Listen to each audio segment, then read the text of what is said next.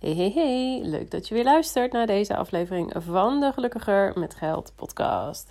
En vandaag wil ik het hebben over een gezamenlijke betaalrekening. Uh, nu ik zo het zo zeg, denk ik, ah, ook interessant om eens een keer over een spaarrekening te hebben. Maar vandaag heb ik het graag over een gezamenlijke betaalrekening. En uh, wat ik daarmee bedoel is als jij en je partner Um, hoe heet het? Zowel een gezamenlijke rekening hebben als ook je eigen betaalrekeningen. Um, dan is deze mogelijk interessant, uh, omdat ik uh, met jou drie uh, manieren ga delen over hoe je nou kunt berekenen of bedenken of vaststellen wie hoeveel waaraan bijdraagt. Dat gezegd hebbende, er, ik weet ook dat er mensen zijn die geen gezamenlijke rekening hebben en die uitsluitend een eigen rekening hebben en hun uh, rekeningen eigenlijk, hun kosten eigenlijk verdelen. Dat is ook echt helemaal prima. En er zijn natuurlijk ook mensen die zeggen, nou, we hebben geen eigen rekening, we hebben alleen gezamenlijke, whoops, gezamenlijke rekening. Um, en alles komt daar binnen en gaat daar ook weer uit. Ook dat is echt helemaal prima. Ik wil helemaal niet hiermee zeggen dat. Um, je per een gezamenlijke en eigen rekeningen moet hebben. Maar um, die wil ik graag wel meenemen vandaag. Of tenminste, die vraag wil ik natuurlijk wel beantwoorden. Want ik krijg die wel vaker van zowel klanten als mensen als mijn volgers. Van ja, wat is nou handig? Wat is nou slim? Hoe weet ik nou hoeveel wij allebei bij moeten dragen? Want uh, nou ja, onze inkomens zijn gewoon niet hetzelfde. Dus wat ik in deze aflevering ga doen, is ik ga drie manieren met je delen. En dit zijn eigenlijk mm, ja, de meest uh, voorkomende, laten we dat zeggen, de drie meest voorkomende manieren om je geld uh, ja, te verdelen, tussen aanhalingstekens, tussen een gezamenlijke rekening en, een, uh, en jullie eigen rekeningen. het zijn niet de drie enige manieren als jullie een gezamenlijke en eigen rekening hebben. Je kunt hier ook combinaties van maken of aanpassingen. Ook dat is helemaal prima. Maar wat ik zelf, mijn, wat mijn man en ik bijvoorbeeld ook wel vaker doen, is dat we toch even kijken van, nou ja, wij hebben een bepaalde methode gekozen.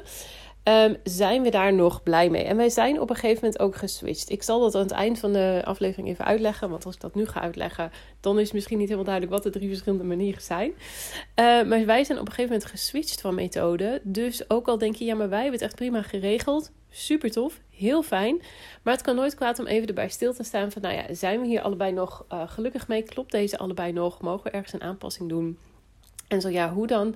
Zodat we voelen dat die voor iedereen klopt. Yes? Nou, um, dus wat is de situatie? Wat ik net al een beetje aangaf in de inleiding.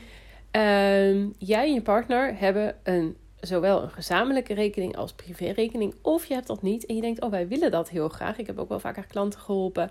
Die hadden alleen een eigen rekening en die zeiden, nou wij willen eigenlijk switchen naar een gedeelde rekening ook. En tegelijkertijd onze eigen rekening ook houden. Nou, misschien herken je dat ook wel. Um, en dan is het wel slim, of tenminste handig om erover na te denken van tevoren. Nou, hoe willen we dat nou precies gaan verdelen? Dus je hebt een eigen rekening en ook een gezamenlijke rekening.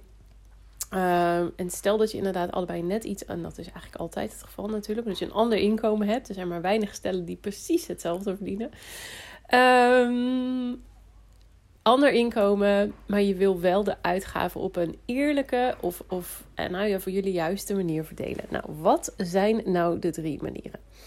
Nou, wat je in de eerste plaats kunt doen is natuurlijk heel erg simpel. Je zegt, nou, wij. Uh, oh, even iets verkeerd op mijn telefoon. wij um, dragen allebei hetzelfde bij. Toe, bij. Ja, we dragen bij. Dus ongeacht het feit dat de een meer verdient dan de ander, of de een minder verdient dan de ander, dat is hetzelfde. Jullie zeggen allebei, nou, wij maken gewoon hetzelfde bedrag naar de gezamenlijke rekening over. En wat er daarna overblijft, dat is gewoon voor ons, voor onszelf, om te besteden hoe wij willen. Nou, uh, ik geef ook even een voorbeeld bij, zodat het misschien wat duidelijk is. En daar zeg ik ook meteen bij wat er nou precies onder gezamenlijke en eigen valt. Dat is natuurlijk helemaal aan jezelf. Um, uh, sommige mensen bijvoorbeeld als ze gaan uit eten, die zeggen nou dat is een gezamenlijke kostenpost, die mag gewoon van de gezamenlijke rekening. Anderen zeggen nou ja weet je dat doen wij eigenlijk gewoon van de eigen rekening en de een betaalt de een en, en de ene keer betaalt de een en de volgende keer betaalt de ander bij wijze van spreken. Dat zijn natuurlijk allemaal persoonlijke keuzes. Maar even een voorbeeld. Stel dat de een um, netto salaris, even heel mooi rond bedrag, 2000 euro verdient.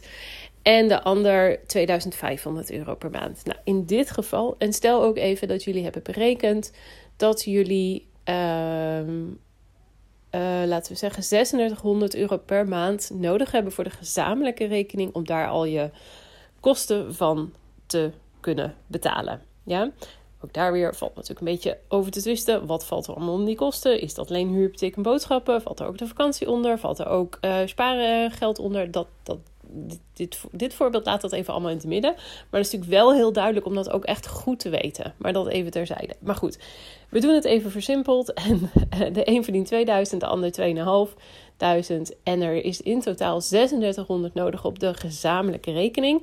Nou, in dit geval hebben de partners besloten dat ze de kosten eerlijk verdelen. En dus betekent dat dat beide 1800 euro moeten bijdragen. Dus in dit geval betekent dat ook dat degene die 2000 euro netto per maand verdient, na aftrek van die gezamenlijke bijdrage dus nog 200 euro over heeft om naar wens te besteden. En de ander heeft natuurlijk in dit geval nog 700 euro over. Dus dat is nogal een verschil. Uh, namelijk een verschil van 500 euro. En dat klopt natuurlijk ook, want de een verdient 500 euro meer dan de ander. En we dragen allebei hetzelfde bij in dit geval. Yes? Dus dat is eigenlijk optie 1, om het simpel te houden. Een tweede optie is eigenlijk precies het tegenovergestelde. En daarbij zeg je, nou, wij willen allebei hetzelfde bedrag overhouden aan het einde van de maand. Ehm, als we weer uitgaan van hetzelfde voorbeeld, om het even wat te illustreren. Um, de een verdient 2000, de ander 2500. We hebben nog steeds 3600 aan gezamenlijke, hoe heet dat? Kosten nodig. Nou, dan betekent dit dat er in totaal een inkomen is van 4500 euro, hè, 2000 plus 2,5, is 4500, min uh, kosten van 3600. Dat betekent dat er gezamenlijk 900 euro overblijft. En in dit geval besluiten de partners dat ze allebei hetzelfde bedrag over willen houden. Dat is natuurlijk 450 euro per persoon. Dus dat betekent dat degene die 2000 euro verdient, van die 2000 euro 450 euro ja, zelf houdt, om het zo maar te zeggen. En dus 1550 overmaakt naar de gezamenlijke rekening. Degene die 2500 verdient, die houdt ook 450 over en maakt 2050 euro over naar de gezamenlijke rekening. Nou, en je merkt natuurlijk, die 1550 van de een en die 2050 van de ander, die zijn samen gezamenlijk weer 3600 euro. Dus er staat 3600 euro op de gezamenlijke rekening. Allebei houden de partners 450 euro over. En dit is dus een tweede manier om de uitgaven um, te berekenen, om het zo maar te zeggen. Dus degene die meer verdient, bedraagt. Sorry, degene die meer verdient, draagt dus ook meer bij. Omdat op deze manier allebei de partners dus hetzelfde bedrag overhouden. Nou, wat ik wel even uh, tussendoor natuurlijk wil uh, zeggen, is wat we hier wel echt heel belangrijk is. En dat vergeten we natuurlijk vaak als ondernemer. We zien ons netto salaris vaak als hetzelfde als um, het netto salaris van een partner. Terwijl netto salaris van een partner, dat was eerst bruto. En wat is daar onder andere van afgegaan? Meestal, als de partner in loondienst zit, een pensioenbijdrage. Als een netto salaris van jezelf als ondernemer nog geen pensioenbijdrage heeft um, afgestaan, om het zo maar te zeggen, dan is dat eigenlijk niet hetzelfde netto bedrag. Dus dat is wel even belangrijk om daarmee rekening uh, te houden. Nou weet ik dat pensioen velen natuurlijk een heel saai onderwerp is, maar alsjeblieft laat het niet liggen, want het is zo belangrijk. Oké, dan is er nog een derde manier. Uh, ja, derde soort van standaard manier. Hè. Er zijn natuurlijk heel veel manieren, maar de drie manieren die ik even hier wilde bespreken, die het meest voorkomend zijn en het meest uh, ja, makkelijk uit te leggen, denk ik. Derde manier is dat jullie verhoudingsgewijs hetzelfde bedrag um, overmaken. Dus afhankelijk van je inkomen hetzelfde percentage, moet ik zeggen, niet hetzelfde bedrag. Dat je verhoudingsgewijs dus hetzelfde overmaakt naar de gezamenlijke rekening. Nou, um, ik heb eerder al gezegd, er waren gezamenlijke kosten van in totaal 3600. Er is een um, gezamenlijk inkomen van 4500. Dat komt eigenlijk neer op 80%. 80% van het inkomen gaat naar uh, de kosten. Dus dat betekent, de gezamenlijke kosten, sorry. Dus dat betekent dat allebei de partners in dit geval 80% van hun inkomen overmaken naar de gezamenlijke rekening. 80% van 2000 is 1600 euro. 80% van 2500 is 2000 euro. Dus de een maakt 1600 euro over, de ander 2000. Dat is natuurlijk gezamenlijk weer 3600. En de een houdt dus van de 2000 euro 400 euro over. De ander houdt van de 2500 euro 500 euro over. Dus dat verschil is hierin een stuk kleiner. Dus het kan zijn dat je denkt, nou ja, dat vind ik, uh, dat, dat zou voor ons beter werken. Omdat ja, de een verdient meer, maar bedraagt, oh sorry, draagt ook verhoudingsgewijs meer bij. Maar niet helemaal. Uh, maar daar een soort van variant dus eigenlijk op. Dus de een houdt wel nog steeds iets meer over. Maar het is veel minder dan in het allereerste geval. Waarbij de een 700 euro overhield en de ander 200 euro. Um, dus dit is een hele andere manier om dit te verdelen. Yes? Dus in de eerste plaats, optie 1, jullie dragen, al, dragen allebei hetzelfde bij.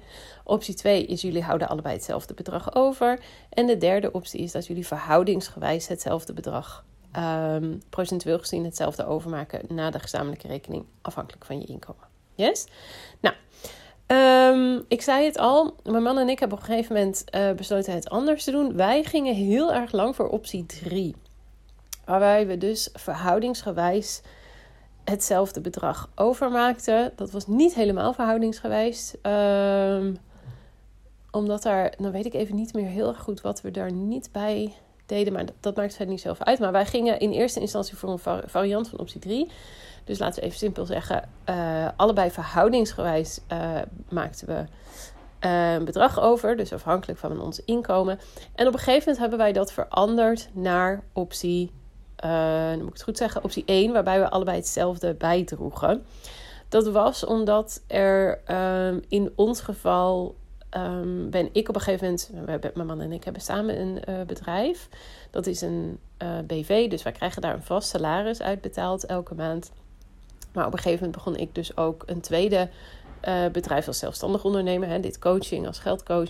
En daardoor kwamen dus ook extra inkomsten binnen en vonden wij dat het beter was om de gezamenlijke bijdrage hetzelfde te houden. En dat ik op andere manieren uh, bijdroeg aan extra inkomsten die ik begon te genereren door middel van het coachen eigenlijk.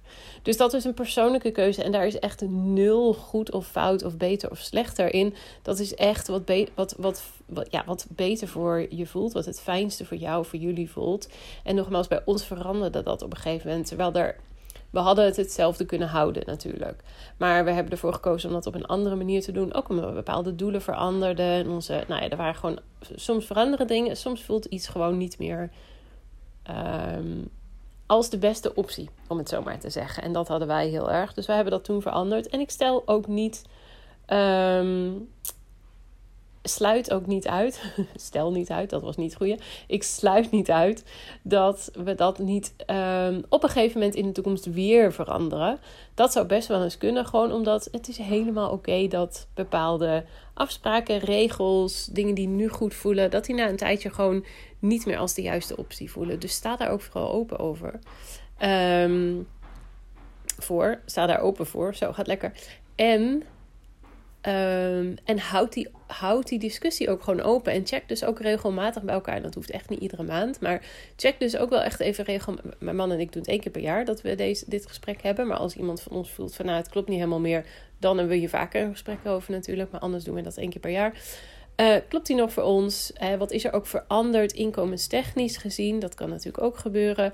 Soms kunnen dingen ook meespelen als bijvoorbeeld um, een van de partners heeft, um, nou noem eens wat, een studieschuld afbetaald. En daardoor heeft he, diegene zelf minder kosten. Of een andere lening is, persoonlijke lening is afbetaald. Of iemand heeft een schenking gekregen.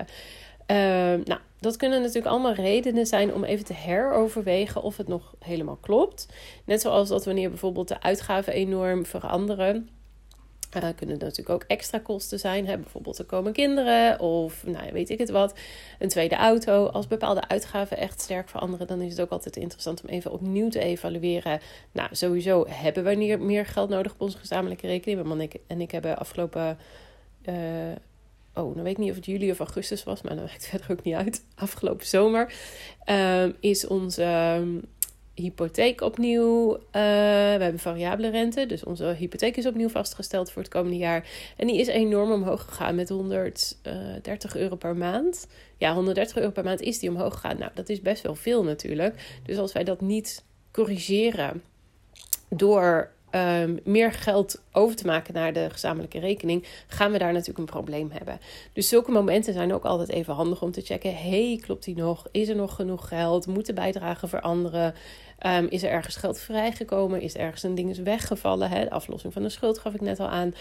Um, en gebruiken we dat nog allemaal op? Staat het allemaal nog goed ingesteld, om het zo maar te zeggen? Dus dat zijn altijd hele ja, belangrijke en slimme momenten om even daarbij stil te staan. Niet alleen kloppen de bedragen nog, maar ook klopt de verdeling nog. Um, dus dat. Nou, ik, ik hoop dat dit zinvol voor je was. Zelfs als je denkt, nou, wij zijn echt helemaal blij met hoe wij het verdeeld hebben. Uh, nou, hartstikke goed. Maar dat betekent niet dat je eens in de zoveel tijd natuurlijk even kan denken. Nou, uh, is dat ook nog steeds zo? Wat vindt mijn partner ervan? Houd dat gesprek ook vooral open. En um, en nogmaals, je kunt hier ook variaties op bedenken natuurlijk. Dat jullie allebei een minimumbedrag inleggen en dan de rest afhankelijk van het inkomen. Nou, noem maar op. Je mag hier heel creatief mee zijn, maar ik denk dat deze drie soort van uitgangspunten, om ze zo maar te noemen, wel heel illustratief zijn. En hopelijk heel erg um, helpend in het opzetten van een gezamenlijke rekening, in het herevalueren van een gezamenlijke rekening, of wat er dan ook maar speelt um, voor jou op dit moment. Yes? Nou. Um, heb je hier vragen over? Wil je je ervaring hierover delen over hoe het voor jou en je partner werkt? Of in het verleden gewerkt heeft? Dan laat me echt gerust weten via mailtje of via Instagram. En um, of ook als je naar aanleiding van deze aflevering denkt: Oh, wij gaan het misschien toch mogelijk maar even anders indelen. Laat me echt gerust, gerust weten. Um, nou, dat was hem. Ik wil je enorm bedanken voor het luisteren. Heb je mij nog nooit een evaluatie gegeven op Spotify, Apple Podcast of waar je deze opname dan ook maar luistert? Dan zou ik het echt gigantisch geweldig vinden als je daar even de tijd voor zou nemen door mij een sterrenbeoordeling te geven. Dat helpt mij ook weer om deze podcast meer vindbaar te maken.